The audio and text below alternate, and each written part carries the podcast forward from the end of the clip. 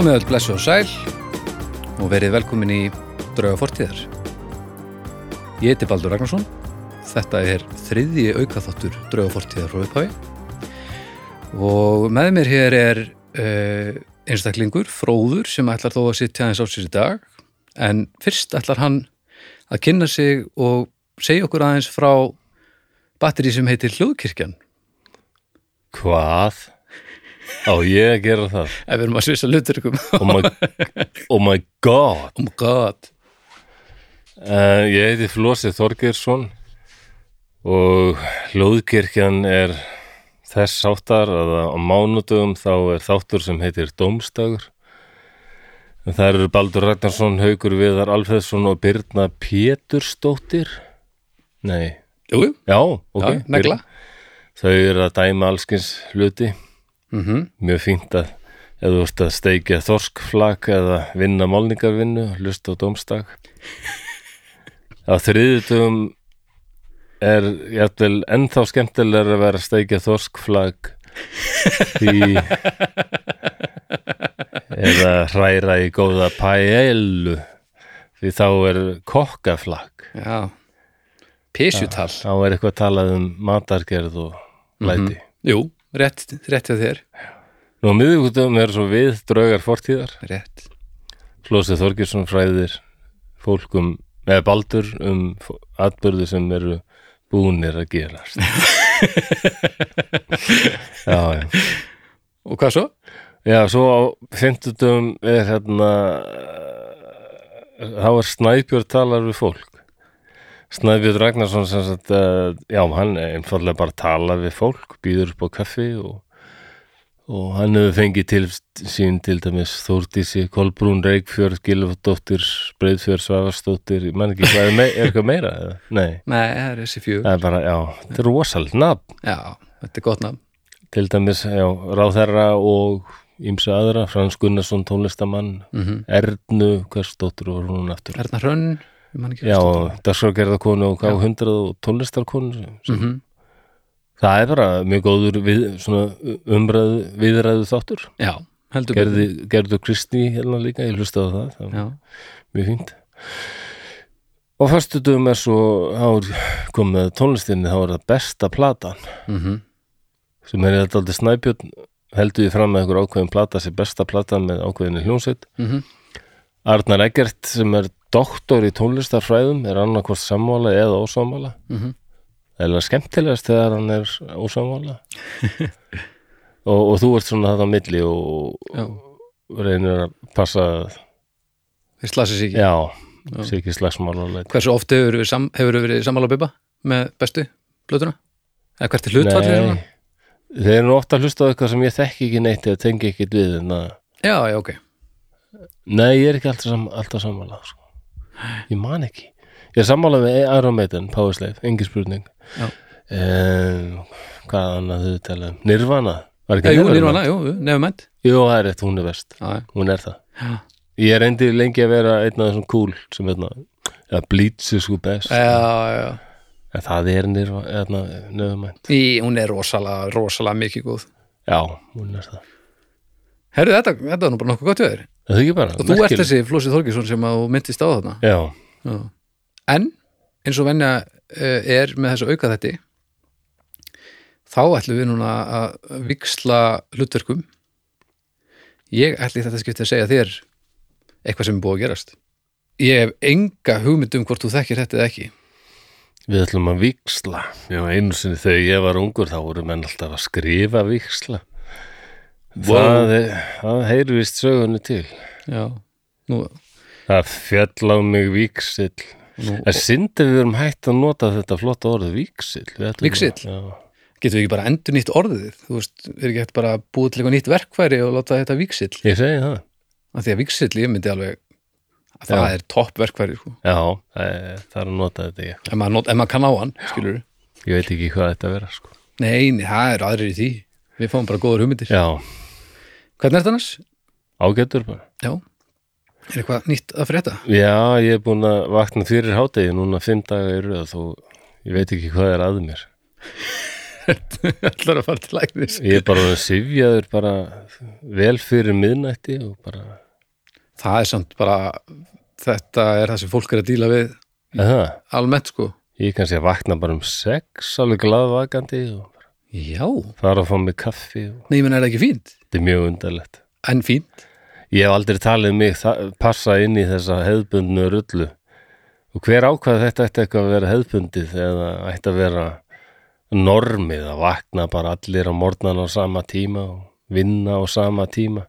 Hvernig dettur fólk í huga að það passi allt mannkinnin í þetta þrönga kerfi? Þetta er rugg en fínt Æ, ég veit Æ, ég veit ekki. Nei, það passi ekki allir inn í þetta kerfi. Það Nei. gefur augalið. Sumir eiga ekki að, að það er verið að þröngva öllum inn í rosalega já, bara manngert tilbúið mót og það hendar ekki öllum, það bara segir sér sjálft. Já, og blessunarlega eru nú svona flestar stofnanir að reyna að átta, sig- á því og reyna að koma móts við þarfir einstakl hvers og eins sko. Já, fleiri og fleiri fættir að vinna bara heima. Já, en auðvitað það þarf helviti margar hendur til þess að geta sint öllum og þeirra fórsendum, sérstaklega í metakerfinu og svona, þannig að Já. þetta er pínu flókið, ég skil það. Já, En allavega, fyrsta skrifi er að fólk sem meðvitað um að, að þó að þessi þarna í þessum bekk get ekki lært eins og þessi þarna, þá þýðir ekki að þessi neitt aðurum, menn þýðir bara passar ekki inn í kerfið og það er bara allt í lagi. það er svo við höfum átt að vera búin að fatta þetta fyrir löngu síðan Já, þetta er pínu eitt af því sko. En, betra núna heldur en 2157, 2157 miklu betra. Þá, Nei, miklu betra að við fötum mynda núna, fyrir ekkar en þó. já, þú meinar Já, já, já, já, já nú skil ég Þannig grættu við Já, 137 ár bara svona. já Vá, Herðu, ertu reyðbúin í, Já. í smá mál? já, já, endilega Ég veit ekkert hvort að þú kannast við þetta. Uh, það geti vel verið. En uh, ég þekkti þetta mál ekki fyrir nýlega. Og þetta er mjög áhugavert og skemmtilegt. mm Þannig að ég ætla bara að byggja þig, Flósi, um að kynna mig inn í lesturinn. Já Nú ætlum við að fara að ræða eitt ákveðið mál og þá skulum við setja okkur í stellingar aðeins að draga djúft andan jætvel ligna aftur augum og búa okkur undir það að særa fram drauga fortíðar.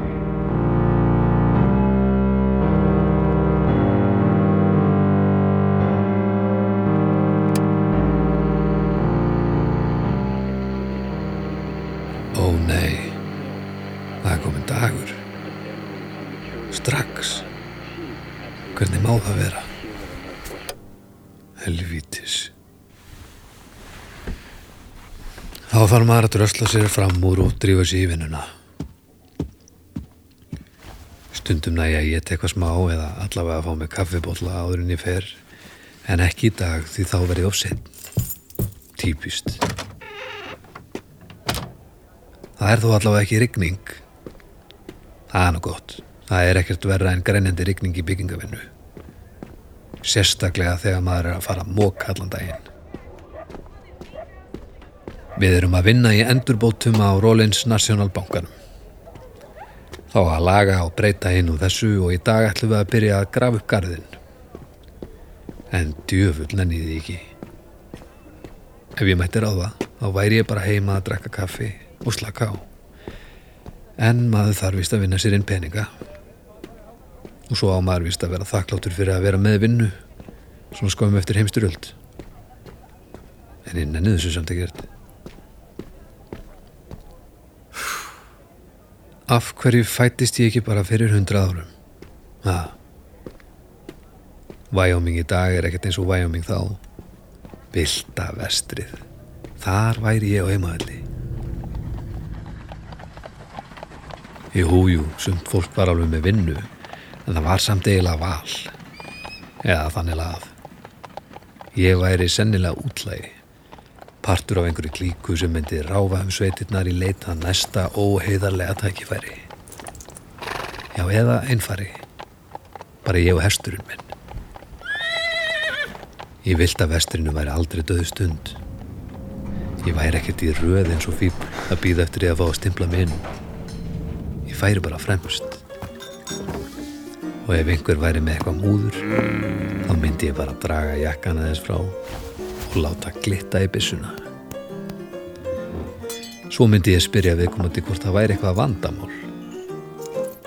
Oftast segði fólk nei en stundum myndi maður hitt einhverja eldhuga sem hefði ekki hugmynd um að ég væri hraðasta byssan í bænum.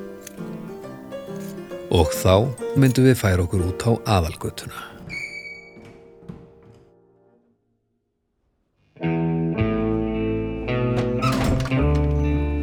Það heyrist skellur í hlerunum þegar óttaslegnir bæjarbúarnir loka fyrir gluggana. Aðrir hlaup í burtu. Ekki ég. Ég er ástæðan fyrir því að aðrir hlaupa. Ég pýri á augun og verði anstæðingin fyrir mér. Þessi aumingjar strengur veit ekki enn hvað hann hefur komið sér út í. Hann dregur á undan en mér likur ekkert er svo hægur að ég geti náð mér í annan vindil, kynnt upp í honum og jafnvel kláraðan áður en hann væri búin að leipa af. Ekkert stress. En jæja, byssan hans er næstuði komin allalegin upp. Þá er best að ég geri mitt. Eftir á sesti svo á barinn. Það jafnast ekkert á við það að skóla niður nokkrum viskiglösum á meðan ómurinn af mokstri bestin um baklukan. Það þarf vist einhver að móka þessa gröf, en það er alveg á kristaltæru að það verður ekki ég. Ég hef nú þegar séð um að fylla hana.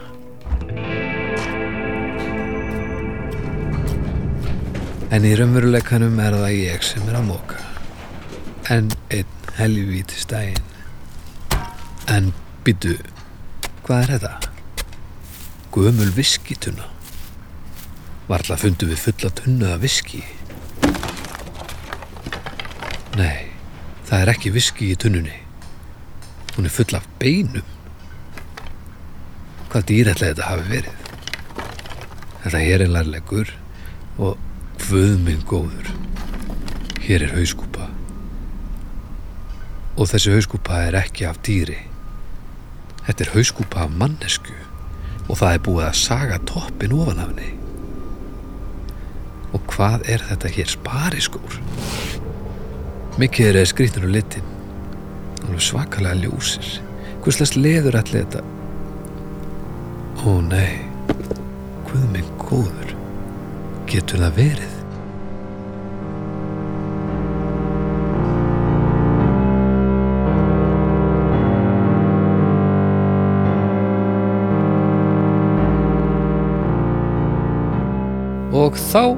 Líkur lestri.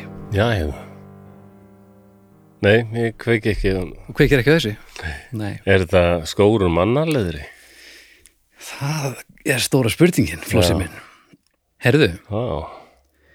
ég fekk sem sé senda línu frá félagið mínum frá Húsæk, hann Kristján, Kristján Gunnar. Já.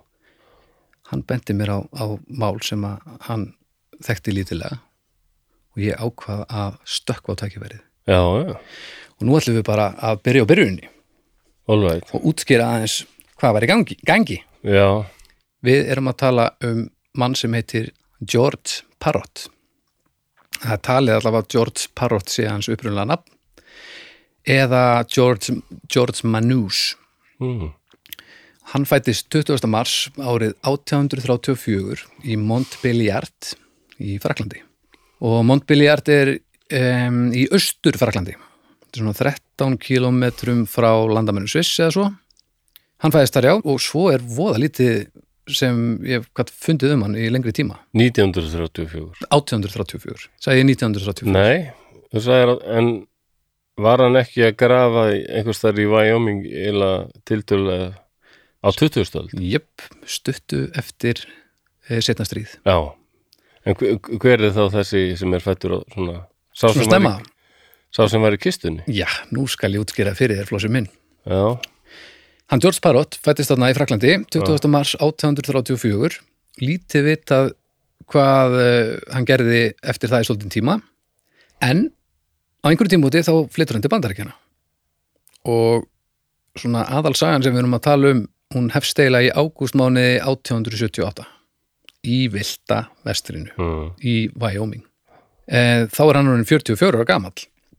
Hann tók vilda vestrið alla leið. Hann var sérst bara partur af gengi eða einhverju klíku sem held sig í Powder River síslu í Wyoming. Og á síðustu áratugum, að- hann er þarna búin að vera í einhver áratugi, þá er hann búin að- að byggja sér upp klassíska vilda vesturs orðsporið, hann er bara bófi, ræningi bandíti náttúrulega, og þetta er bandítasvæðið svolítið greinlega Já, þetta er náttúrulega bara okkar bandið til hinn náttúrulega labbaði niður í Wyoming já, á einu tímpúti um, hann var sem sé þetta sem var kalla highwayman á ennsku sem er svona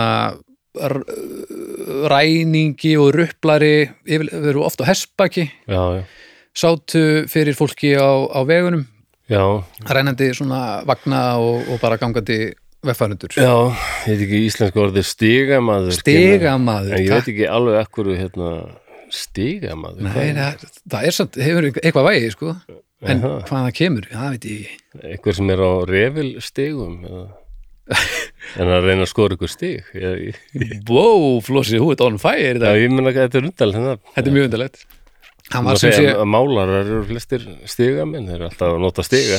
Þetta er rosalegt gerast? Þetta, þetta orðið er svo fyrðulegt. Hann er, já, Hann er búin að vera já, í einhver áratví og bara gera sitt, ræna úst, hann bara svona útlægi nema í, í þessari klíku og bara langur listi af, af brotum. Er, en satt aðalega bara svona rána á, á beljum og hestum og, og ráðast á einhverja vagna og, og, og hreinsa úr þeim og, og bara ræna fólk. Bara svona old school vilda vesturs já, já, hlaupa upp að þér og, og taka það sem þú átt og, og með klút fyrir andlitin og hlaupi burtu þetta er bara svona alveg blúprint hann var partur af þessari klíku, já. Uh, hann var ekki fóringin, fóringin í klíkunni hétt Simjan og þeir voru nokkrir í klíkunni. Uh, það var okkar maður George, það var Frank, Frank McKinney, Joe Manus Jack Campbell, John Wells Tom Reed, Frank Toll og Dutch Charlie Buress En leiðtóðin heitir Simjan Simjan, já, og löndalt nafni. já en það er spurning. Það það er alveg uppi kenningar um að þetta sé þegar við tekið sér upp önnur nöfn af því að ef þú ætlar að fara í útlaðabransan þá viltu kannski ekki vera Flósi nei. Þorgjesson, þá viltu bara veri, vera veist, Fred Winchester. eitthvað svo, já, Fred Winchester. Það veri pínu asnalegt á, á hálundunum hérna. Já, hér, já. það veist já, en gott gott nafn heilt yfir, sko, ég er ekki drull yfir kúrikanafnið, sko, en eins og George okkar, Barott hann bara fleiri nöfn og já, George Manus, það er mögulega upprúlega nafnið hans, en það er svona aðeins á reiki hvað, hvað var alveg nafnið. Eh, George Francis Warden en aðal nafnið sem hann er þekktur sem er gælunafn og það er Big Nose George. Mm, eða Georg, stór, stórnefja Georg, já, eh, Georg með stóra nefið. Jú, jú, Goggi Stórnöfur. Goggi stórnefur. Georg stórnefur ef að slá því fyrstu það ekki. Já. Og viðnefni fær hann bara hann þykir bara helviti ljótur sko. og hann er með ægilega svona voldugt og, og sko glæsilegt nef. Og það eru til ljósmyndir af hann sem ég mun setja inn á síðuna. Já, já, og eh, nefið er svona svolítið eins og goggur í læginu uh, þetta er alveg svona það voldugt nef. Þannig að nafnið þetta Big Nose George geti líka verið blanda af eftirnafnun hans sem er George Parrott sem er þá mögulega eitthvað gælunafn líka og uh, já, þannig að þetta, er bara svona nefið er greinlega svona fuglslegt. Já, hann er sem sé partur af þessari klíku Georg og félagar. Á þessum uh, ákveðnum tímúti það eru búin að vera svona ruppla á ræna í þessum smá ránum í gegnum tíðina þá ákveða þeir að láta reyna á stærra rán. Bara stærri útborgun á dag aðeins fá aðeins meiri peningi vasana þannig að þann 16. ágúst 1878 ákveða þeir að ræna lest nálægt Medicine Bow sem er 130 kilometrum suðaustur af þessari Powder River síslu þar sem þeir eru venla mm, og þeir ætla að ræna lest sem er í eigu Union Pacific Railroad. Það ekki það fyrirtæki? Það er sem sé nei, bara les, sem álestar já, í bandarækjunum var stofna 1862 og er enn starfandi í dag e, og á þessum tíma sagt flyttur fyrirtæki mikið af reyðufíði á milli staða í lestunum. Já, bara, bara fyrst og fremst til þess að halda kompanýrum gangandi þá þarf bara að borga starfsfólkinu með því að, að færa fúlgur fjár á milli staða í vasa uh, starfsmannana með þessum lestum. Georg og félagar, planið á þeim Georg og félagar er er, er lukkudýri á Ís Íslandsbankaræki eða eitthvað mörgir svona Georg og félagar. Georg og félagar, eða hétt hann ekki Georg?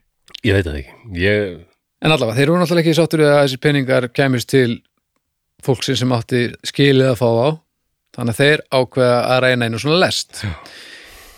Þeir komu með plan, þeir ákveða sem sagt uh, finna stað, þægilegan stað á teinunum, losa um eitt, um eitt svona flein sem heldur hún niður, niðri losa þess um hann ná sér í svona vír sem er notaður í símskeita sendingarnar úr staurunum. Já, uh, binda utanum fleinin draga hann inn í runna, fela sig þar og planið er svo að þegar lestin kemur þá ætla þeir að kippa í fleinin, já, losa þar að leiðandi teinin og láta lestina keira út af teininum. Já, já, og svo ætla þeir bara að hreinsa allt upp í kjölfarið. já. Þetta eru þokkapildar Þetta eru þokka, þetta er líka bara, þetta er svo stereotypist blúprint já, vilda vestur já, já. ránsko sem er náttúrulega glæsilegt. Þannig að þeir bara koma sér fyrir í runnunu með klútana fyrir andlutinu og öllu saman og, og býða, býða bara slakir og allt var klárt nema hvað að starfsmenn Union Pacific Railroad tveir starfsmenn koma á svona handknúnum magni á undan, svona það er eins og þið sé að vega salt með höndunum og hvað sé þá? Sé þetta í mörgum myndum. Nákvæmlega, þetta er allt svona. Þetta er Já. bara eins stereotypist og mörgur Já. þeir koma sérst og undan sjá að það er búið að eiga eitthvað við þetta. Og um, það verður uppi eitthvað dýbat hjá bófunum hvort þeir eiga að drepa það ekki en, en þeir ákveða að það sé ekki góð hugmynd upp á framhaldið. Þannig að þeir horfa basically á þessa starfsmenn koma, laga teinin og fara aftur og þá eru þeir að fara tilbaka til að láta lestina vita að það hefði verið búið að eiga við teinana mm. og láta uh, löggæsluna vita líka láta Mm. yfirvöld vita að það sé eitthvað gruggugt í gangi Mm. þarna við uh, Medicine Bá um, Georg og félagar Mm. þeir Mm. þeir fatta strax að þeir eru aðeins brúntur upp á bak Æ, núna eru þeir það, það er hitti á þeim. Þannig að þeir láta sig hverfa. Þeir bara leggjast á bara leggja flóta og þeir ná að fara svona um það bil 50 kilometra í burtu svona suð-vestur ef ég mann rétt á, á korti og koma sér í, í Rattlesnake Canyon sem er nálægt bæ sem heitir Elk það Mountain. heitir allt svo töff nöfn ég veit það þetta er og þetta heitir þetta allt sem er í dag sko. Powder River Rattlesnake Canyon. Elk Mountain.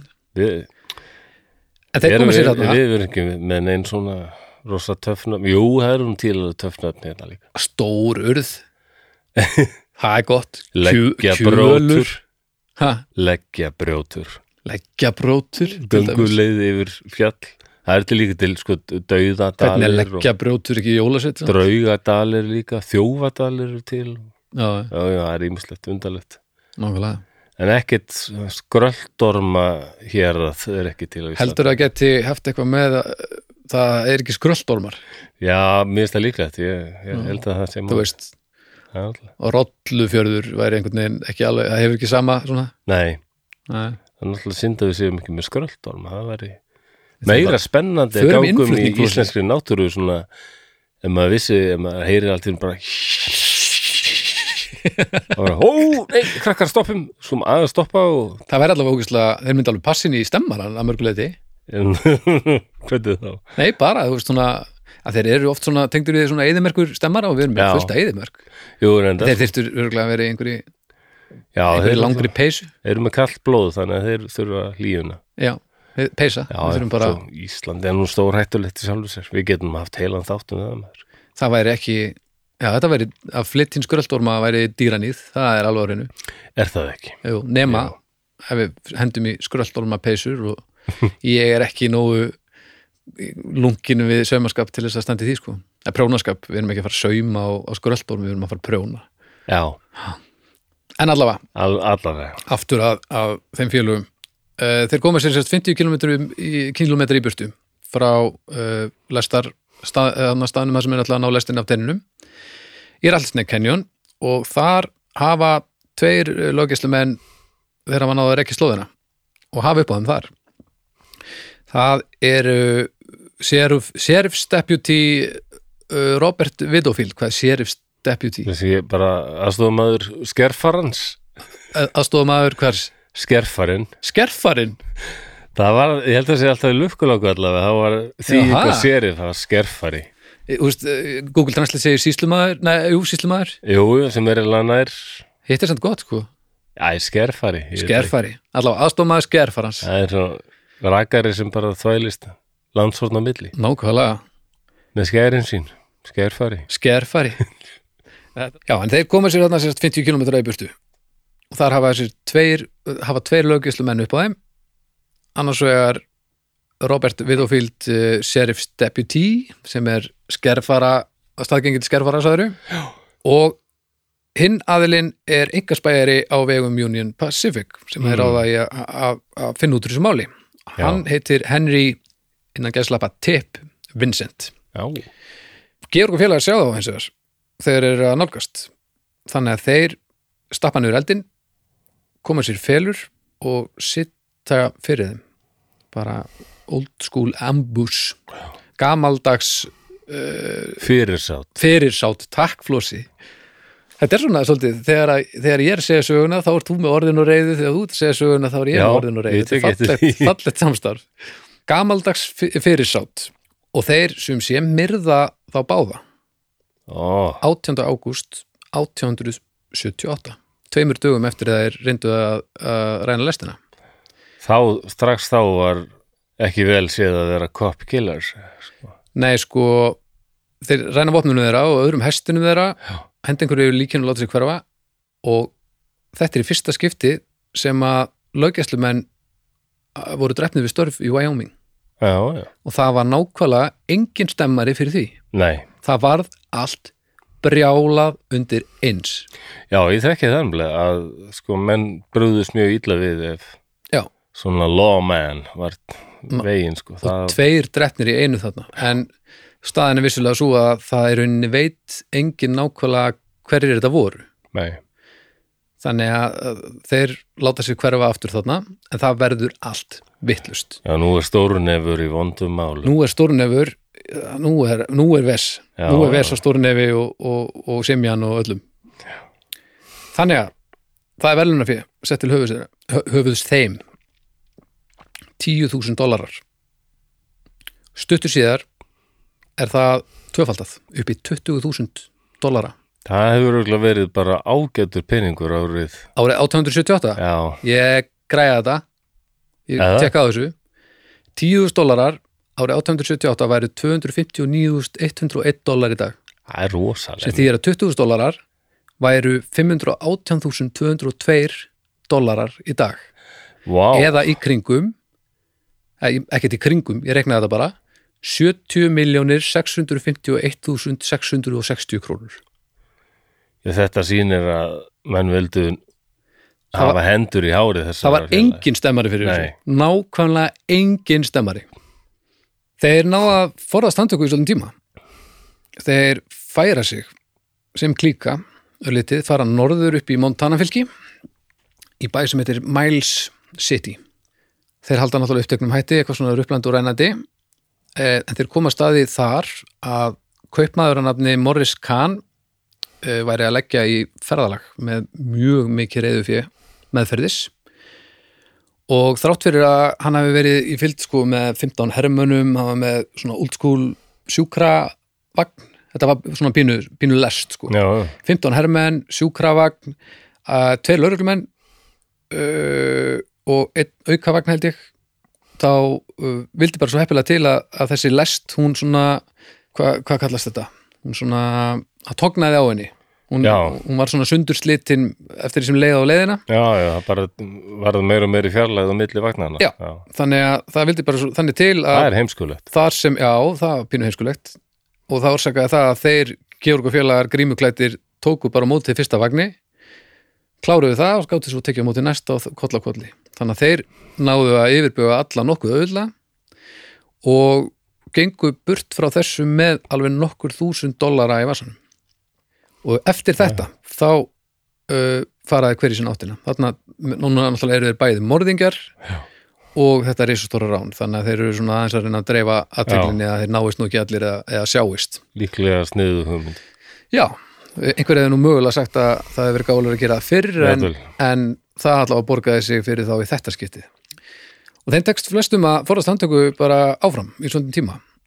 En eh, hann Dutch, Dutch Charlie, sem var einn af, klíkunni, hann hafði komið sér sérst aftur suðu til Wyoming og hann náðist snemma í januar árið eftir, 1879 og það er svona fimm mánuðum eftir morðin á, á lörglumunum og bara örskum eftir ániðurinni mm.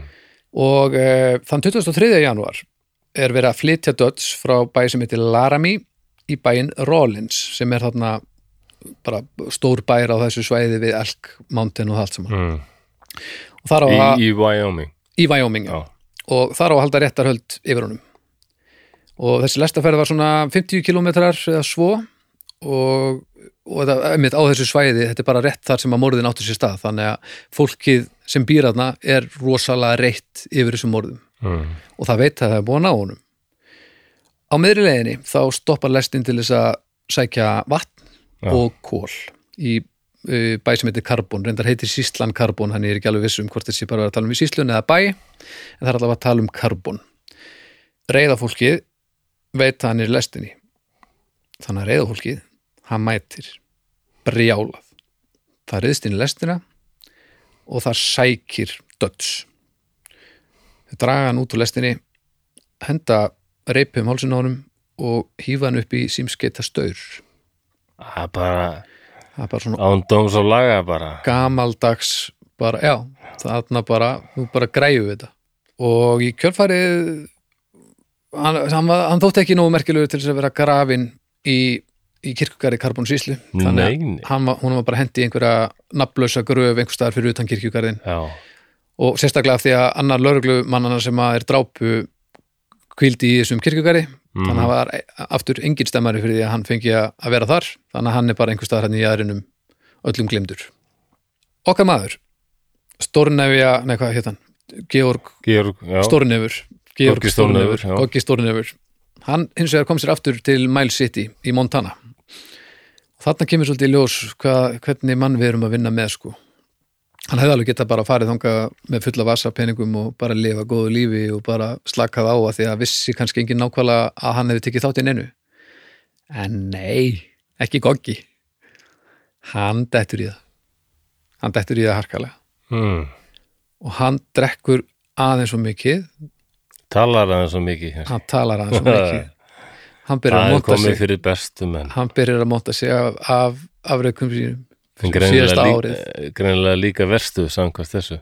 Já, Já, hann er já alveg hann byrjar, hvað er þessi, hann byrjar að gorta af, af að bara, já, þessum, þessum verkum. Bæði sko sko, það er ekki alveg vita hvort hann hefur verið að tala um ránið eitthvað sérstaklega.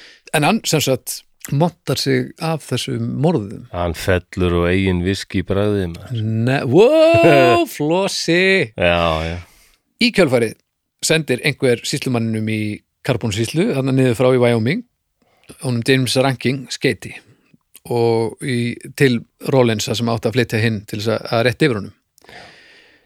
Og þessi James Rankin gerir sér ferð upp eftir og uh, í einhvern tímann í júli 1880 finnur George sækir hann og fer með hann aftur til Wyoming og þetta er svona tveimur árum eftir morðin.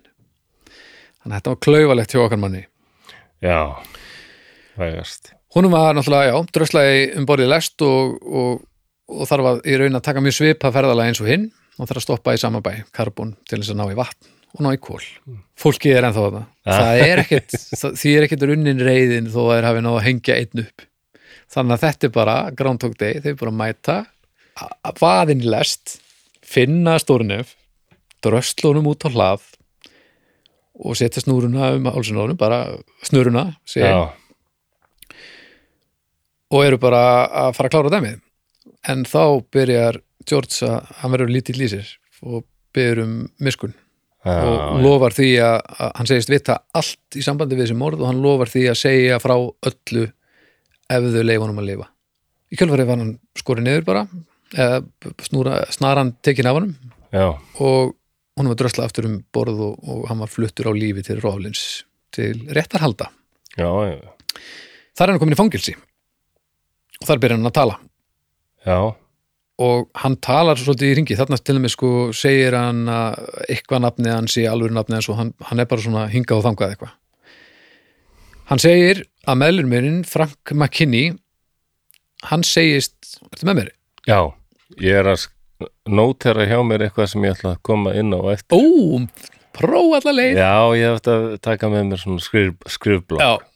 En ég notast við síman, þannig að ég er ekki á Facebook. allt í góð, allt í góð Þannig er hann komin í fangilsi og þá byrjar okkar maður að tala eins og hann lofaði en hann talar bara um hitt og þetta og í ringi og alls konar en eitt af því sem hann segir er að, að einn meðlumurinn sem heit Frank McKinney hann segir að hann hafi sagst vera engin annar en Frank James Já. Veistu veistu hver það er? Mér finnst ég kannast eitthvað. Frank James er sem sé eldri bróðir Jesse James Já, og í kjölfærið urðu sem sagt til sögursagnir um það að Simjan sjálfur Já. að það hafi mögulega verið Jesse James. Þannig að hann hafi verið í klíku með Jesse James og eldri bróður hans Frank James.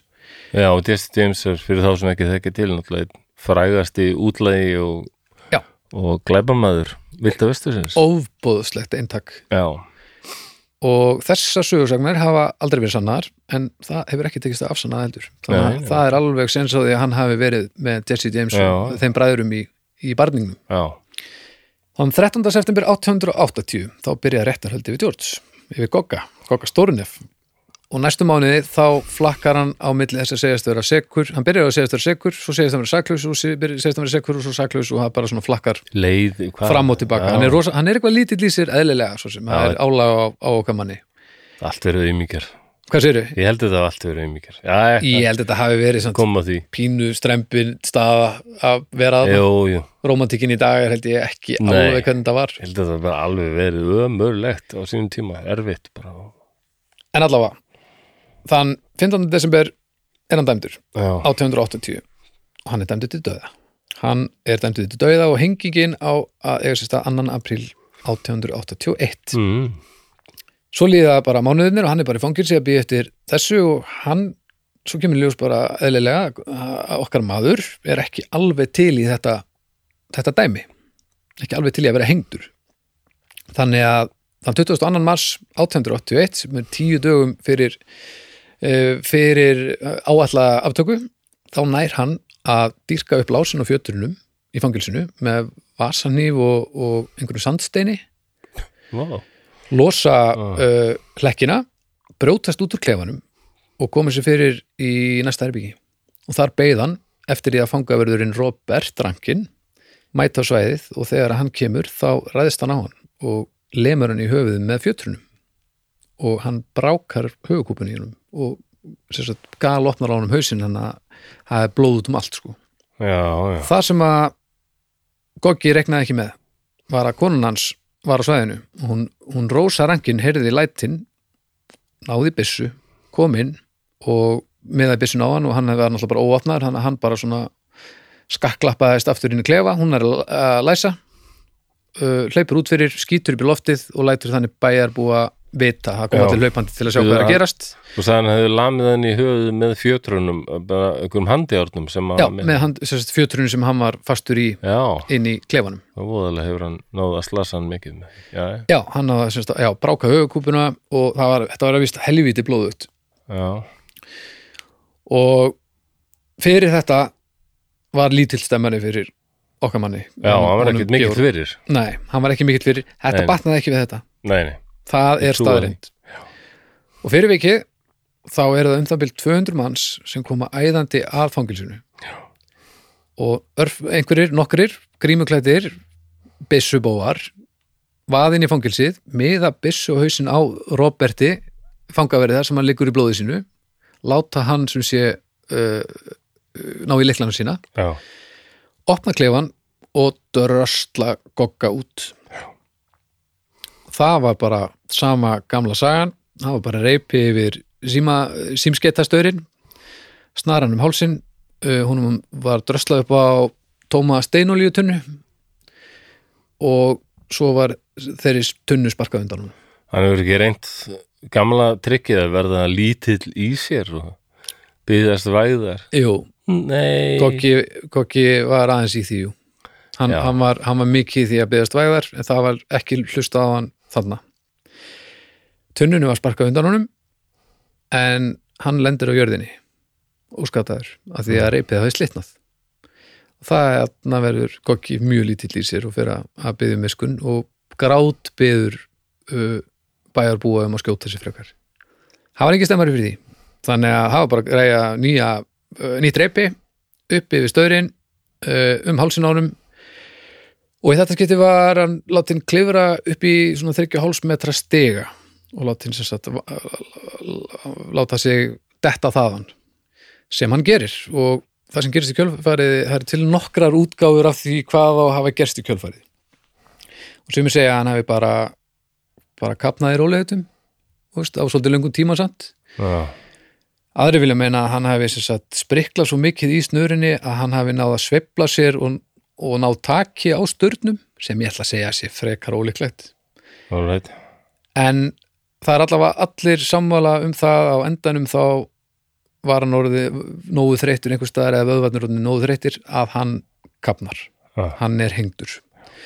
Og hann er látin hanga þarna í nokkra klukktíma og það lengi að þegar hann er skorið niður þá hafa eirun rifnað af Já. sem að var kannski bara einhver lenska á þessum tíma, ég gerir mér ekki grein fyrir því en, en það var sem sett erðnalust lík sem kom niður úr þessari hengingu. Hvernig er þetta standa á því? Bara átökin, bara þegar skrokkurinn deyr ef snúran liggur eitthvað Já, sagt, þetta var kannski bara komið við eirun. ég segi alltaf snúran, ég ætla að segja snaran Já. uh, allavega, já, hún hefur bara leið á eirunum og Já. þegar að, það er ekkert að vinna móti þá bara, Já, þetta bara rifnað af Já, hérna. Þegar þetta er allt saman búið Auðmikið blessað maðurinn að lendi þessu. hann Georg, ótrúlegt álag á Já, manni Nei, farið hefur nú kannski fyrir betra. Já, já. já, já, en þú veist Ok. okay. hann er pínu grei, mann líður þannig en, Já. en þú veist, hann myrðir alveg Já, já. tvo lauruglumenn, þannig að hann er ekki bara grei Nei, nei. eftir þetta kemur augljóslega engin fjölskylda að ná í líkið sko. Það er engin stemmari það er engin frakkar að koma að ná í, í okkar mann sko. Frakkar. að því að hann fæðist náttúrulega í Fraklandi sko. Sem, að, sem er ótrúlega fyndið að því að það einhvern veginn tengist hugun ekki neitt sko. Allan að öðrum með franskan reym. Það það væri rosalegt Wild West Bissubói. Stick your hands up. up in the air with your hands. We're gonna rob you. þessi var nú þýskur sendar Já, ég er svo lélur Það þetta, hljóma ég alltaf svo. Hands in the air. Nei, ég er alltaf svo þjóður. Partur af áhrundum það voru, það voru tveir læknar sérst í áhrunduhofnum sumi segja að þeir hafi verið til þess að staðfesta það að Goggi hafi verið döður eftir henginguna en kannski voru þeir bara áhörundur og þegar kemur ljós að enginn er að fara að ná í líkið þá segja þeir hérna, megum við taka það? að því við ætlum að, að, að kanna hvort við finnum eitthvað sem bendir til þess af hverju hann leittist út í hennan lífstíl. að Hverju voru þetta, segir Þetta voru tveir læknar. Þeir heita Thomas McKee sem var skurlæknir hjá Union Pacific Railroad og svo Dr. John Ah. Eugene Osborne. Þannig er kannski daldið þessi mannbóta stefnan að verða til en það er annað dæmi Þannig er allavega Tala um eitthvað að vera að fara að huga því. Þeir sem sagt planið á þeim er að finna, reyna að finna vondið í Já. honum, finna bófið. Það Í, var daldið í þessari stefnu sko sem var Já. mjög vinsæl setna. Þannig að þeir hyrða líkið og drösla því á, á í vinnu aðstöðu hans McKee. McKee, já. Já. og þeir voru svona, já, einmitt að velta fyrir sér hva, hvernig komist að því, hvar vondið hvar er vondið þannig að þeir, Vondið þeir hugsa Já. vondið lítur að vera í heilanum Já, lítur að vera þannig að þeir fara að kíkja á heilan og til þess að komast að heilanum þá þarf maður náttúrulega að saga toppin ofan á hauskúpunni Já, já, og þeir gera það já. Þeir finn ekki neitt í heilanum sem Nei. er, það er ekkert vond það er ekkert það er ekkert vond í heilanum en svartur blettur ykkur stöður ah, hann er, hann bófið í honum Já, ég meina að þeir, verður að taka viljan fyrir hann er búið að krossa eitt af listanum við getum sagt það Nákvæmlega. Og næst bara, sko, hnén, mér er alltaf grun að það gæti verið svona vond í hérna hægra hnén á mínu, sko. Hættu þessu, hnén. já, hér, En ég held að vondið sé hægra hnén á mér, sko. heldur það? Já, Já, ég held að, ég held að vondið sé bara utanlengjandi á mér, vonandi það er vond í okkur öllum einhvers staðar, sko, þarft að finna það. En allavega, þeir Já. finna ekkert vond Nei. í heilanum á, á, á Gogga en það kom samt eitthvað gott út úr þessu af því þeir eiga náttúrulega lokið ofan á hauskúpunni þeir eru búin, sem erum búin að saga ofan af Vantaði, það lengi vantað góðan öskubakka. Það vill svo til að hún Lillian Heath sem var 15 ára lærlingur hjá Dr. Magee hún var með þessu Já, hún var með þeim í, að, leita vondinu og allt saman. Já, já. og læknarnir voru það kurtisir að þeir gefa henni lokið af Gogga. Ó, þetta Og- er svo makabr. hún 15 ára fær sem sagt toppin af þessari hauskúpu gefins.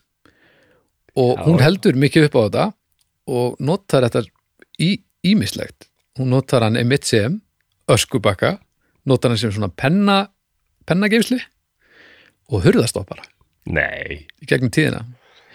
Og auka og mikilvægar upplýsingar hérna. Síðar átti þessi Lillian Heath eftir að verða fyrsti kvenlæknir Wyoming frá upphafi. Já, já. þarna er hún 15 ára gömul með topp, toppstykki af gogga bara við hurðina. Okkar menn hins vegar, læknarnir tveir þeir voru ekki alveg búnir að gera það sem þeir ætlaðu að gera. Þeir voru með stærri hugmyndir uh, Osborn hann tekur gifsmót af andliti Georgs og býr til þessa svo kallu dauðagrímu já, já. og ég, ég til mér vissi ekkert nákvæmlega hvað þetta dauðagrímu Já, þetta það. death mask, Já, ég sé nokkrar, sko. hefur, hefur séð nokkrar Já, þetta var ekkur siður, sko, að gera svona gifsafsteipur af líkum, sko. Já. Og þetta eru ennþá eftir, sko, myndina, því að sérstaklega þegar voru ekki nenn ljósmyndavéla, sko. Nákvæmlega, þetta er bæði sko, sko upprunalega það má færa rauk fyrir því að forn Egiptar að vinna svolítið með þetta sama. Að búi til einhver svona grímur og einhver svona minnisvarða um Já. hvernig fólk leit út en það var svona svolítið að öðrum toga samt. Já, en það er ekki fyrir svona sent á miðöldum sem að að dauðagrímundar sem að við erum að vinna með svolítið í dag koma. Mm, og það er þá oft bara svona gifsmót tekið af andliti einstaklings. En þarna fyrst sem er þá hvað 12, 13, 14 öld eða hvað, þá er þetta notað aðalega til sem sem mótel til þess að búa til Styttu, af viðkomandi eða að búa til málverk af viðkomandi. Mm, þannig að dauða gríman sem slík var ekki gripurinn sem þú varst að sækjast eftir heldur var það mótið sem færir er uh, möguleikan á því að búa til eitthvað annað. Þess vegna er oft, það er oft talið, sko, þessar styttur sem eru til í dag, menna Júlíus og César og svona, það séu líklega bara líkar, líkar mönnunum sjálfar. Já, líklega búin af því að það var til afsteipa af því hvernig þessir einstaklingar lit út og í setni tíð hafa síðan þessar, grímur sjálfar verið svolítið minnisvarðin um einstaklingarna Mm, og það eru helviti margir frægir sem hafa verið dauða grímaðir í gegnum tíðina sko. og ég bara svona valdi hérna nokkra Henry VIII eh, Beethoven Napoleon Chopin Nikola Tesla og Stalin. Já, það, Stalin, hann var, hann var grímaður.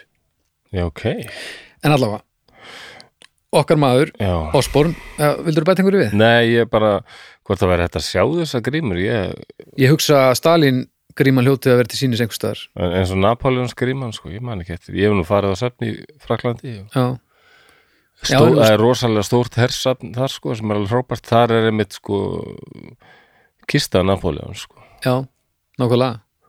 Ég, ég man ég sé döðagrímu ljóðskáldsins uh, John Keats sem er í er bara hreinlega í húsinu sem hann bjó í þegar hann dó í Róm við hliðin á þetta er ekki spænsku tröppunar sem er svona daldi svona landmark í Róm. Ok það var svona, svona romantist skald Já, mér skilst allavega eins og döðgrímur eru oftar en ekki til síni sko.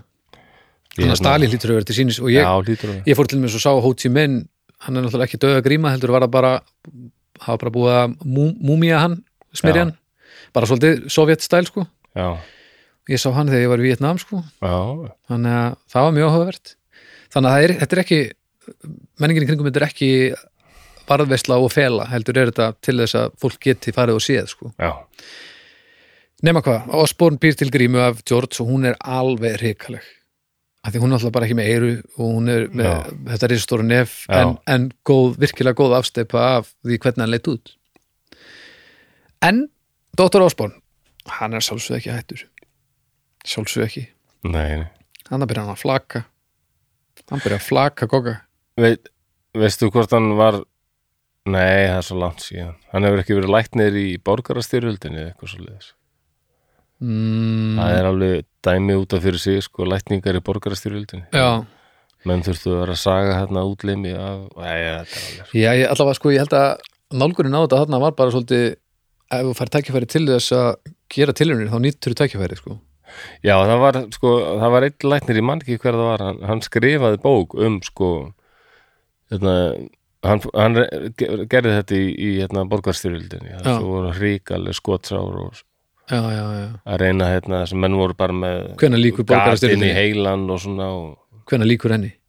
65, 65, já, já, þetta er daldið langt liðið, sko. það er helviti langt við þannig að eru lækningarnar daldið að taka sk- skref, sko. já, algjörlega. En hann hefur þá öllum líkindum einmitt ekki tekið þátt í því sko, Nei, það er bara pæling. Já, Já, góð pæling. hann byrjar að flaka hann byrjar að flaka goga hann sem sagt flakar hann að hluta til flakar hann að bringunni og, og fjarlæðir húð af bringunni og fjarlæðir húð af lærunum hann síðan pakkar þessu í böggul og sendir í sútunarhús í Denver í Colorado með leiðbenningum og þegar að sútunarhúsið hafði lokið sinni verki þá átti Osborn fyrirtaks læknatösku úr goga sem og þessa ljómandi fínu spari sko sem eiga vist að skarta gerfurtunum hans. Nei, goga gerfurtur eru bara spari sko Osborns og hann, það er nú eitthvað þetta er, þetta er skrítið sko. Og Já, hann heldur mikið upp Hann lítur sko, að sko, eitthvað svona niðurlægingar dæmi eitthvað, allavega eitthvað sem er ekki kert á læknisfræði engungu Menn, hann hefur bara hugsað þessi maður á ekkert virðulegt skilið ég, nei, það var engin stemmari fyrir hún Nei, það er bara að koma alltaf betur og betur í ljós. En hann heldur mikið upp á þessa spari sko og notar á við mjög hátileg uh, tækifæri. Eins og í víkslu aðtöfninni þegar hann var fyrsti ríkistjóri demokrata í Wyoming ja, árið 1893 þá var hann klættur gogga vinn okkar. Í skóm af svona highwayman Jöp, Vá, þetta er er styrlað sko. restina George tók hver síðan. Bútan eitthvað niður og hendunum í, í gamla viskitunnu það, Hann var ekki í strigaskóm heldur stiga mannaskóm Hei, Ah, wow, Ég er svo þessi var góður flossi Stiga mannaskór stiga manna skor Nú stiga mannaskórnir Já, við ættum að, okkur gerum þetta ekki? Maður ættum að nýta glæbónana okkar betur. Nákvæmlega, Ímislegt, dýrafóður og svona na. en pældi hvað hefur súlt að vera í afgriðslunni í sútunarhúsinu þegar það bökullin kom? Fara, Já, það fylgir ekkit söguna. Hvað segirðu, hvað viltu? Það fylgir ekkit söguna sem hafa þótt þetta eitthvað svona Ég held að á þessum tíma þá var bara ef einhver var að fara borgaði fyrir að gera eitthvað bara gera það Já, en svona, já. Ég meina þegar harti árið myndir ekki súta gumma, gumma? Nei, nei, þetta var náttúrulega óþöri, þessi maður. Já, maður er að bjarga sér líka bara, ég meina sútun er sútun, skilur Já, já, ok, maður er ekki að gera upp á milli spari sko.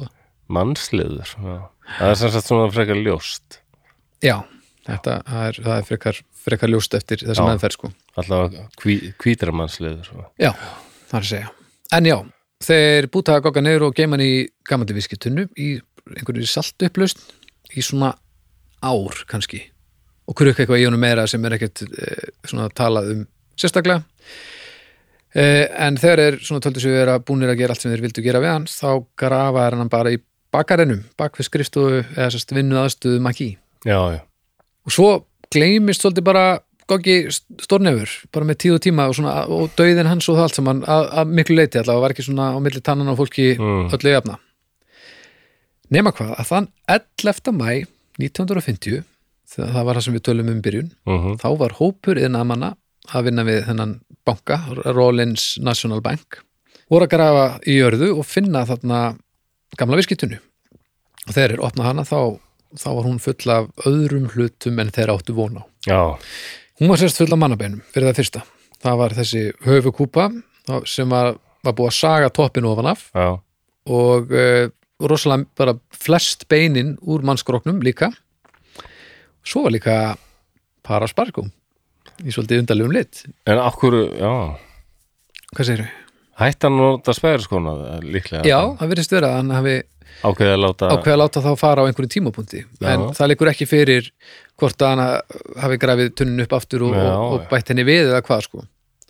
Þarna fara nokkrir að kveikja á perunni svona byttunum við. Ég man nú eftir einhverju um þetta getur verið að þetta sé goggi stórnefur. Og Nú. það vill svo til að hún Lillian Heath sem var 15 ára aðstókona þegar þetta átti sér stað. Hún er enn á lífið hún er nú lífi, Já. hún er, hún er 84 ára. Hún fær símtal já, og hún er spurð hvort hún eigi ennþá toppstykkið, lo lokið af, af Gogga. Liljan heldur nú heldur nú það. Oh, þannig að Liljan mætir með lokið af Gogga. Það er mátað við hauskúpuna sem finnst í viskillunni já. Og það smell passa já, já, auðvitað og síðar er það staðfest með DNA rannsók að þetta voru leifar Big Nose já, já, já. Og í dag er sem sagt uh, hægt að skoða þessa hluti flesta. Ok, uh, Dauðagríman neðri hluti hauskúpunar og spariskurnir góðu eru til sínis í Carbon County Museum í bænum Rollins. Í, í, þetta er í. Wyoming? Þetta er í Wyoming. Ok, ég ætla að fara á það og lengi langaði að fara til Wyoming og Montana ég kem með þér held ég bara. Já, því, þú veist, ég verða já, að sjá já, þetta maður sitt ég heldur verðum að sjá þetta sko. uh, fjötrætnir sem hann notaði til þess að- að lumbra á, á fangaverðinum Já. og lokið af George það er til sínis í Union Pacific safninu í Omaha í Nebraska. Já, já, þannig að það eru þessi tveir staðir en, en Lo, byrju, lo, toppstykkið. Toppstykkið, það er í það er annars staðar það er á öðrum stað. Það var náttúrulega enga eigu hún er, hún er bara ákveðið að senda það eitthvað annað. Já, hérna, en ég er nú svona, ég hugsa ef ég myndi gera með ferð á eitt stað þá myndi ég nú fara til Rollins bæða því að, að þar, að þetta gerist náttúrulega allt saman þar. Já, þú veist, þar ræðist hann á fangaverðinu þar er hann hengdur með, með herkjum. Já, þar er hann bútaði niður og, og, og, og siktaður eftir vondi og allt í voða. Já. og svo er að, já, þetta er bara svo áhugavert. Og, og eh, já, dauðagríman neðri hluti höfukúpunar og spariskortnir, ég væri til að sjá þetta. Þetta er eitthvað alveg en þetta er sem sagt saga Gogga Stórnefs, Big Nose George. Þetta var mjög skemmtilegt, takk fyrir þetta maður. Já, gott að þetta er ótrúlegt. Þetta er gallsúr já, þetta er alveg, og hann er svo mikið hann er svo mikið blóm einhvern veginn í, í vindinum finnst manni stundum sko. heldur hann er einhvern veginn ekki alveg við stjórnvölinu finnst manni. Nei, já, hérna. Hvaða punktar var þetta sem þú varst að setja niður á hann já, ég var að ég sko, ég man að ég var eitthvað að lesa um bandaríkin og hérna, já, nýlendu stefnu á síðan tíma því ég var í sekfræðináminu já, um, 1880 þá bjöggu í öllum bandaríkjunum 50 miljónir 50 miljónur já, ég held þessi 370-80 miljónir í dag. Já, miklu, miklu færri. Og það, þetta var þetta vilda vest menn, þetta var, það var byggð þarna Kaliforníu sko, Girafstöndinni og Östurstöndinni þetta og svona inn í land og Suðuríkjunum þarna. Mm en svo voru bara stór svæði sem voru bara ofsalega vilt einmitt. Já. Texas, það byggum mjög fáir þar. Já, nákvæmlega. Nema náttúrulega bara frumbyggjar sko, já, já, sem lendi Sem- mikið saman við sem það nú ekki landnefn á þessum tíma. Það nú ekki, það voru aðeins nágrannan delur þar Montana, Montana og Wyoming þetta er svona, já, þetta var, þetta var wild suðupottur, þarna var svolítið þetta var svona með viltara móti virðist Já. vera. En já, já, hvað var kynninguna meira um um stemmaranum á þessum tíma heldur en kannski gogga sem slíkan? Já, ég fór að hugsa já, þetta er þetta, þetta er, já, eins og segir þetta er náttúrulega bara alveg svo klassískur vestri, sko. Þetta er alveg með ólíkindum sko. og ég aðeins lesið frásætnur um vilda vestur og það er þannig sko. Já, efsalega röff og, og, og grimt einhvern veginn sko. Djöfull ég held að þetta hefur bara verið rosalega mikið vesinn að vera útlægi Hvað hefur verið vondlykt? Já, Það bara hryllilega vondlykt. Já, og líka, herðu, ég hérna bara host, hesta, hestaskítur alltaf og Já, ekkert líka, sko- ég man ekki, ég sagði þér það núna um daginn en, en hvað eru, tvær vikur tvær vikur síðan þá fekk ég svona heftalega sýkingu í eirað já, og ég gatti, ég heyrði ekkert með vinstra eiranu ég hafði nú rænað því bara, ég fann bara að þetta var ekki lægi og ég bombaði nýr á spítala já, og á Akranesi og það tókum móti mér indislegu læknir. Og hann bara tvöfaldur sérklilega kúr og, og, mm, og það þurfti bara gangi í verkin strax. Já. en ég hafði ræn á því að spyrja hann ef ég væri, hefði verið uppi fyrir 200 árum eða þó, þó það verið ekki nema 100 ár mm, hvað myndi gerast? Og hann horfði á mig svona eins og ég held að hann hafi verið að reyna að vega og metta hvort að hann ætti að svara mér heiðalega eða hvort eða myndi styggja með eitthvað en hann ákvað að reyna að svara. Þá sagði hann sem sagt, já þetta myndi bara öllum líkindum myndi þessi sýking bara grassera, breiðast út í beinið og svo myndir deyja. Já, og á þessum tíma það er minnsta sem við hugsum um eitthvað svona smá smá ves eitthvað þetta er yfir til döið alveg með það sama. Jú, jú, þannig að þú veist, þú mátt ekki einu sinni bara smá skurður og þá ertu bara farin sko. já, já þannig að það hefur verið mörg horna lítið sko. Já, já.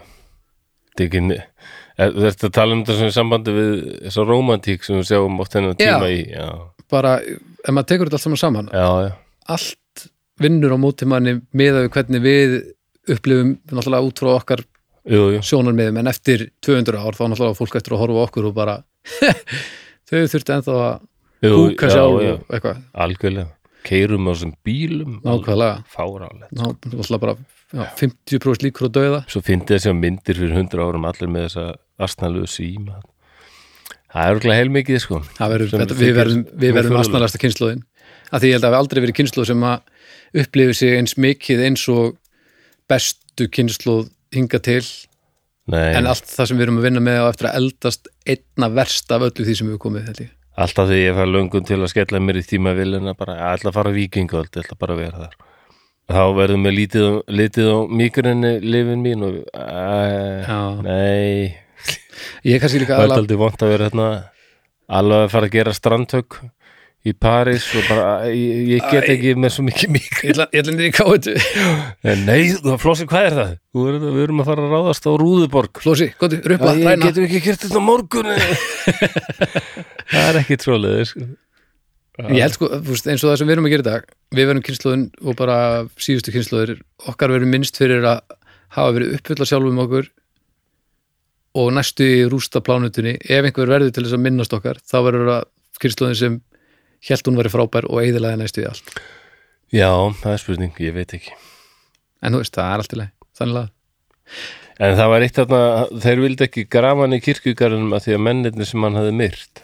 Annar er að, já, hann var í saman Nei, ég, þetta er aldrei langsótt náttúrulega, ég man eitt sko, hörður sonur minni svo hann heldur svo upp á kirkjugarða. Já, þannig að hann er einhverfur með svona sérstök áhugamáli en skemmtileg. Mm en hún er kirkjugarða og bara dauðin áhugaverður. Sem hann er. skilji ekki alveg dauðan sko, bara Hann er líka mjög áhugaverður. Því. ferðileg tilhúsan að allir muni deyja og svona sko. Já, og hann tekur allir myndir líka af leiðum sko frægra eða þekktra já íslendinga glæsilegt, og glæsilegt albúmið hans á Já, hann Facebook með albúm á Facebook sko, það sko, fundið bara fullt af myndum að leggsteinu sko. og ég líka held að hann átti sig ekki á því hvað er stutt í þetta verði stórkostlega heimild sko. Nei, einmitt. Kannski átti hann sig á því, Segir ég nokkuð, ger ekki alveg grein fyrir ég held að þetta verður, það verður algjörlega framúrskarandi frábært að þetta verði til eftir ákveðin tíma sko. Ég ég var bara að labba um hóla alltaf kirkjugarð og þar sá ég leggstein Mm. alveg voldum leggstein, það var alveg vonlust að lesa hvað stóð á honum. Já, það var bara mosi og hann var orðin svo veðraður sko. það er það sem gerist.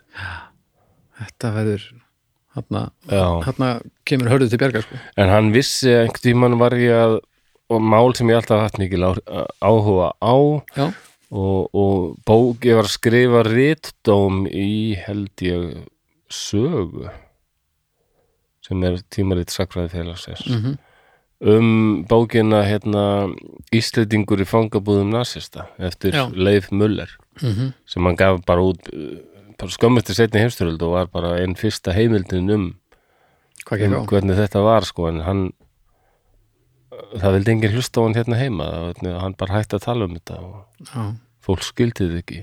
Svo var það setna, setna að koma út bókin Býr Íslendingur hér sem Já. er meira svona æfisaga hans og, og um þetta líka. Og hann að þekkja miklu fleiri lýsingarnar og þar kemur fram sko hver það var sem sveikan í hendur nasistana. Það var hérna starfsmæður gestapó Íslendingur líka sem heit Ólafur Pétursson.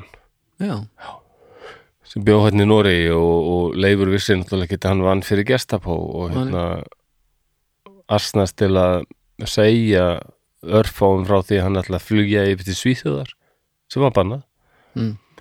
og, og hérna Ólafur hérna það talið bara alveg með ó, óíkjandi sko að það hefur Ólafur sem já, kom upp um hann og hann er sóttur. Ok. Og bókin hérna sko hann heyrir bara, hann er hérna uppi og hurðinu opnið niðri og þá heyrir hann bara satt á þýsku bara býr Íslendingur hér. Mm. þá voru þeir komnir að segja rosaleg bók. Mm.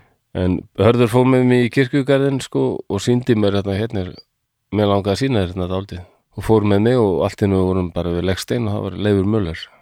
Já, það vissi að ég var að skrifa, skrifa dómum hann vel gert. Og ég bara, já, takk fyrir. Já, ég er ekki búinn, hann, komdu þérna, það er eitt annað. Nei, og svo löpum við bara í mestarlega fjóra, fimm metra. Nei anskutin það er bara Ólafur Pétursson. Nei, Jú. Þarna voru þeir bara næstu við hlið við hlið skriði mennirnir. Djöfullin en því Leifur var náttúrulega alveg ónýtur eftir þetta sko, bara, á, Já, hann náttúrulega beigðis aldrei bætur það verið í þessum fangabúðum sko. Heilin mér segir þetta ekki skipta máli En ég meina, samt nei sko og hérna norðmenn þegar þeir gripu Ólaf Pétursson þeir vildu dæma hann í að minnst á kosti 20 ára fangelsi, helst meira Ok, eða ég ætlum bara taka hann af lífi af því að þeir höfðu heimildir fyrir því að hann hefði sko komið upp um svo marga sko já, já. svikið svo marga og bara var aktífur narsisti og vann fyrir gestapó Var það ekki að því? Ja. Nei, það var ekkit að því að það, það var erlend ríki sem hérna hafði samband og vildi bara fá sinn mann aftur heim. Já, gætt það nú verið. Heimt, já, auðmikið manni sem það lendi í þessu og Æ, æ, æ. það Ólafur Pétursson fekk bara að koma hérna heim til Íslands og þurfti aldrei að svara fyrir neitt.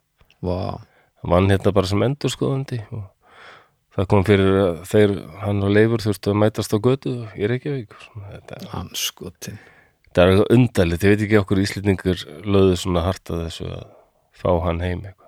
Þetta er bara eitthvað Íslendingur, hann verður að koma heim. Það er vant að endur skoðan það þetta væri kannski öðru sér núna sko, núna bara. Já, mögulega, maður veit það sem því Já, þetta var líka þegar ég var yngri sko, þá, ég manna satt ykkur sko, guður sem var handtekinn og var kallað Malagafangin hann satt hérna, var kannski 82 eða eitthvað svoleiðis. Mm -hmm. Hann hafði verið hann tekinn með fíknefni Mm og var settur í fangelsi á Spáni. -hmm.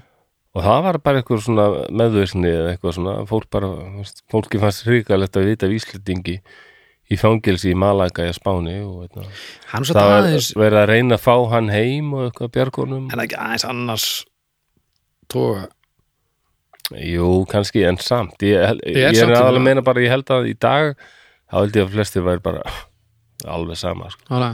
Já, þetta hann tekið mér fíknefni í Brasilíu til dæmis, já. Þú tókst þessa ákvörðun.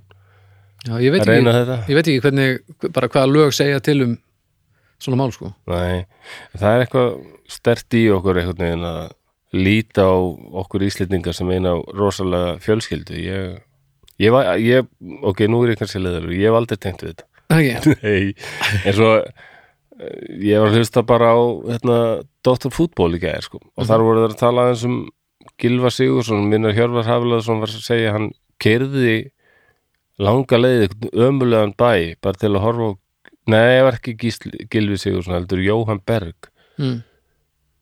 Spila með Burnley eitthvað, bara, til, bara til að sjá Jóa Berg, ég veit ekki hvort þeir eru ykkur persónlegi vinir, en minnst þetta oft verið eitthvað svona, sko. Er svolítið mér er alveg sama um þessar Íslendingar sem var að spila er svolítið, ég tengi ekki trekar við það. Það er margir sem tengja við þetta að einstaklingur sem að kemur frá sama grunni og ég, hún tókst að gera það sem að á að þykja alltaf því ómögulegt.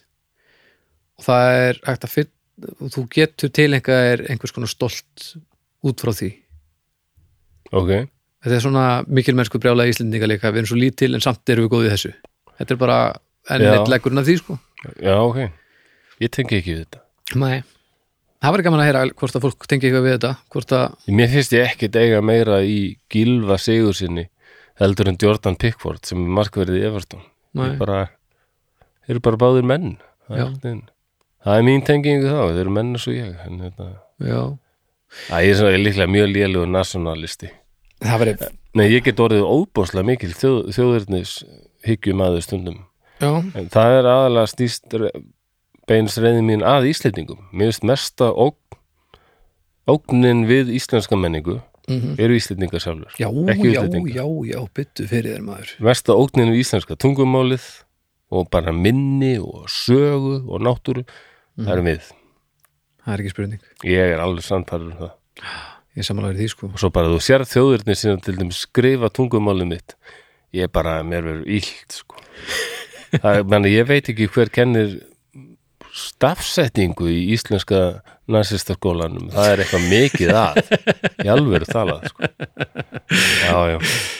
En það var annað sem nefndir sko, ég hjó eftir því mér finnst það merkilegt þarna þetta er rosalega harður svona highwayman og hann skýtur og drepur eða daldum með köldu blóði bara. Já, og bara orsalega harður töffar eitthvað, svo er hann gripinn hann og þá, algjörlega, algjörlega.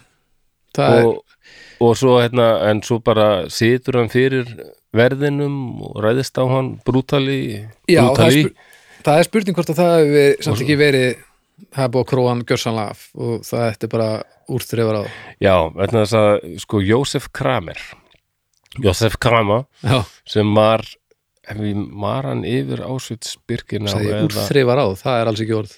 Ha, ég sagði úrþrifar á það er ekki orð. Jú, er það ekki? er ekki örþrifar á. Örþrifur á, já. Afsaki, já, já en já, kramerinn. Já, hann ég man ekki hvaða fangabúðum hann var yfir, hvort það var Auschwitz eða Bergen-Belsen líklega kannski frekar Bergen-Belsen mm. hann var alltaf alveg rosa SS nazisti Jósef- ég held að það var Jósef Kramer sem sagði þetta. Hann var sjálfur tekinn að lífi. Mm. en hann talaði alveg fjálglega hann var ekkert að fela neitt. Yfirheyrða hann og hann sagði bara nákvæmlega hvað hefur verið í gangi. Já, já, já, vorum hérna að drepa fullt af fólki já, já, já. og síndi þeim búðirnar og bara var ekkert hann vissi einhvern veginn bara manna, þetta er búið þetta er mig. búið þannig ég get alveg bara viss alveg, að hann er tekinn að lífi ég get allavega verið góðu leiðsumar já já. og hann virtist ekkit óttast döðan þannig og hann talaði aldrei um það. Hann sagði að það er svo áhugavert að fylgjast með fólki sem gerir sér grein fyrir að það er að fara að deyja. Já, hvernig þau bregðast ólíkt við hann sagði til dæmis að fólk sem hafði mjög sterkar sko skoðanir stjórnmálalega eða trúarlegar svona, Mhm. svona ekki endilega skoðanir heldur meira bara svona lífstíl eða, tilneigu til, tilneyingu já, Já. og hérna, stefnu í sér bara út til dæmis kristnir eða geiningar sko, það voru bara og líka kommunistarnir Já. sem voru að nú þetta deyja fyrir eitthvað já, anstæðingar þínir er að drepa þig en þeir eru að drepa þig að því að þeir eru hrættir við eitthvað sem stendur fyrir eitthvað sem þetta píslarvotta Já, alveg bara. Þannig að þetta fólk tók sko komarnir þeir bara lóu bara. Mm. þegar var að fara að hengja þá sko. Og bara held áfram að segja þetta þið nasista sín, þið munum fá, fá þá þeir býðið bara, bara mm. voru bara glottandi bara. Já, þeir og þannig að hann sagði gýðingarnir bara algjörlega stói skró oft sko, trúaðu fólkið þú mætti þessu bara með bara, það var að fara í- en, en þorparatnir sem nasistarnir höfðu alltaf sko ráðið í störf til að vera svona verðir í búðunum. Mm þeir þeir gerðu það þeir hérna vorum svona hjálparmenn voru, þóttu oft sko lýsingarnar eru oft verri á þeim, þeir þóttu jættulega verri. Já, og það, það voru alltaf svona satistar og svona fantar sem narsistarnir sá og voru góðir í þetta. Akkurat. Þeir, svo voru þeir dregnir sko, drepa þá. já, já, þá vældu þeir og alveg grátbáðu sér væðar og svona sko, já. meðan hinn gerðu það ekki. Það er mér þetta bara í því. Já, ég held eins og Goggi ég held að ég held að þetta hafi bara verið ofsarheðsla já, hann vildi bara ekki deyja. Nei, nei, sem ég tengi alveg við, ég var alveg til að deyja ekki. Ég var Þannig alveg til að vera ekki hengdur á morgun sko. Hann hefur verið aldrei svona tínd sál sko. já, lítur út fyrir það sko ég get alveg sett mig í fótspór til dæmis kommunistar sem voru ásalega heit trúaðir á kommunisman já, ég hef alveg stúdir á kommunista og sósélsta hérna á Íslandi og lesið mikið af bókum sem þeir skrifuðu og svona ég var í kursi í háskólanum í þessu og það var alveg trúabröð já, þeir trúði bara þarna væri komið stefna eina stefna sem geti bara bjarga mannkynnin já, það væri eitt land sem væri að fylgja þessari stefnu sem er Sovjetríkin og Bandaríkin eru það er vond stefna sem þeir fylgja. Þetta er bara heaven and hell þarna sko. Kommunismin er Guð, Stalin er Páin þetta, þetta er svo ég, já, ég, ég held að ég hafi ekkert svona til þess að, að sætta mig við yfirvóðandi dauða. En ég, kemur mjög mikið óvart ef ég myndi ekki róast til mikið.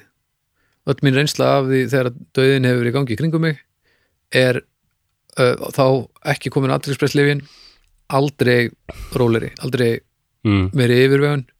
Það kemur mjög óvart ef það tæk ekki við líka að því að ég er svo ofbóðslega bænari, bara 0-1 heimurinn er svona, ég, ég tel mig vita að taka ekkert við eftir döðan úr því sem komið er er það bara allt í lagi. Já, já, það er líka alveg hægt, ég veit það. Þú þarft ekki að vera annað gýðingur eða kommunist nei, nei, nei, nei, en ég er að- úst, en, fara með æðruleysi en svo ætla ég að segja en ég veit það ekki. Ég, það er engin, ég get ekki fullir það. Getur vel verið, ég yrði bara, myndi bara gogga í mig sko. kokk Þú veist, ég, ma- það er engilega að vita. Nei, Herðu, en já. Já, er, meira? nei, það var bara þetta að því myndist á sem mannbóta stefn hún heitir Já. eugenics á ensku. Mm og hún fer að, ég veit ekki alveg hvernig hún hefst en hún er alveg í, al, í algleimingi þarna á fyrir hluta 20. aldar sko. Ok, og það var einmitt þetta snerist aldrei nasistarnir og alveg rosalega uppdættir af henni. Það er bara, heldur betur. það er bara kjölfesta við þeirra stefnu. Já, já, en hún var líka rosalega vinsæl í öðrum ríkjum sko, bandaríkjunum ekki síst sko. og það var einmitt aldrei þetta að reyna að finna vondið. Já finna vondið og og na, nasistarnir voru að mæla kjálkastærð á öllum glæpunum og, já, já, og töldu sem verið búin að finna bara ef þú ert með ákveðna höfuðstærð og höfuð, höfuð starða klóin hérna og, og allt saman. Þetta, þetta var rosa vísindi margir sem trúðu þetta sko. já, já. já, það er eitthvað sem við trúum á í dag sem er svo mikil þvæla flósi já, það, það væri gaman að vita það sko. það er nú alltaf örgla alveg heilmikið. Pottitt þetta kemur allt í ljós annarkvort fyrir eða eftir að við deyjum. Já, held að herru þetta var gaman, Já, þetta var alveg æðislega gaman að heyra vilda vestri já takk Kristján fyrir uh, að lauma þessu málið að mér. Þetta var mjög áhugavert og skemmtilegt og ég hef sennilega ekki fundið þetta upp á einn spýtur. Já, hann, hann laumaði þessu til þín bara svona persónu já, hann sendi mér þetta bara á Messenger sem að Já, já, var svolítið gaman að því að, að því að ég held að fáir hafi þekkt þetta mál og ef hann hefði sett það kannski beintin á grúpuna þá hafði fólk automatist farið að kynna sér. Já. ekki það að náttúrulega við viljum endilega fá sem mest inn á grúpuna já, já. en þetta, þetta var svona lúmstjánum þetta var mjög, mjög smekklega gert. Hlakka til að sjá myndir af þessu. Já, það er nefnilega til nógu myndum og, og okkar maður mér finnst hann glæsilegur en hann þótti ansi ófríður og spesi útliti. Og, og nú svo verið ég að komast að því að ég fekk 30.000 krónar gjafabrif í 50 samliskjöf já, og týndi því ég bara ég vissi að það væri eitthvað staðar ég er svo mikið að reyna að tengja þetta við það sem við vorum að tala um. Nei, nei, og ég, það kemur. Og svo fann ég það. Ég segði mér bara þegar þú loksins fattar hvernig ég er að tengja þetta. Já. svo loksins fæði ég bara um daginn þegar ég var að flytja lítið að gera gefabrið ha? lítið að gera gefabrið Nei, Æsland er Íslandi er, já, Já. ok. já, já, já, tenging. Já, það er ekki, já En þá var það útrunnið núna í mæ Nei, og ég ákvaði að ringja og væla taka kokkað þetta bara nei Það er það búið að vera COVID og svona, ég, ég gata ekkert flóið, þannig að hvað er ekki þetta? Nei, það er líklega ekki hægt, sagði konan, nei, Já, ég skal aðtuga þetta. Gefðu mér hérna númerið og ég var tveir F, M, J, alveg reynda að vera eins Þegar ég er svona væla get ég ekkert verið, já, ég er hérna að ringja og gefur, þá fer fólk alveg í vörð. Það er erfitt að koma kvolpa augum í gegnum síma sko. Það hugsa að þetta er bara durtur sem er með þrjár miljónur á mánuði, ég fyrir ekki að hjálpa þessum neitt. sem auðmíkja Já, ég sem bara, já, heldur þetta skil, mér langar svo að færi í ferðalag. Losa langar að fljúa já, segir hún bara, herðu, jú, jú, jú, jú, það, það er búið að framleika þessu.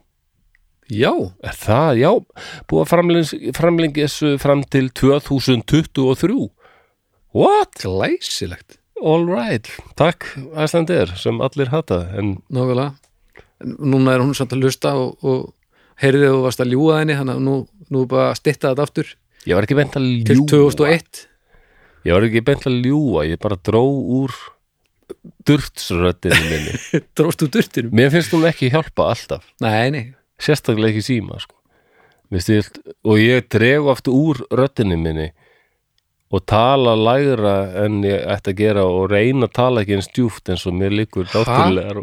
Af Ég- hverju ósköpunum? af því mér finnst ég vekja svo mikla aðtegli því ég nota þessu rödd og bara og hvað? en Arnór Benonísson, hérna, leikari sem er stærstuð frá Húsavík. Já, hann tók okkur gætana hjá, í kvalaleysu dæminu Mhm. einu sem fyrir og hann sagði strax bara talaðu herra Mhm. og ég bara, finnst það svo óþægilegt en hann, hann sagði, nei þú ert með þessa rödd og þú átt að nota hana já, samanlega og bara, hann sagði, þú ættir bara alltaf að tala þetta aldrei svona mm -hmm. tala þetta aldrei nákvæmlega svona eins og ég er að tala núna tala ákveðið aldrei hátt, Mhm. heyrist í þér og bara, ég, svona er mín eðlilega rödd ég fyrir alltaf þetta aldrei það að tala svona er, þú verður er bara- svona teenage angst, í þér. Já, litli kallið Já, laga þetta, þetta er svo djöfut fínt þegar þú svona blastar mann með, með tíðnum sem maður heyrir ekki venjulega á mannsparka Æ, ég veit það ekki. Þú, þú, þú hugsar þetta allavega. Já, ég hef ofta, erut með þetta sko. Já, Ekki að lappinu bakari bara, já, ég var að spá ég að fá eitt kaffi og bara, allir flúnir bara. Já mér finnst þetta, já kemur í eitthvað "Ha- partí Hvað er þetta einræðisherra sem langar í kaffi?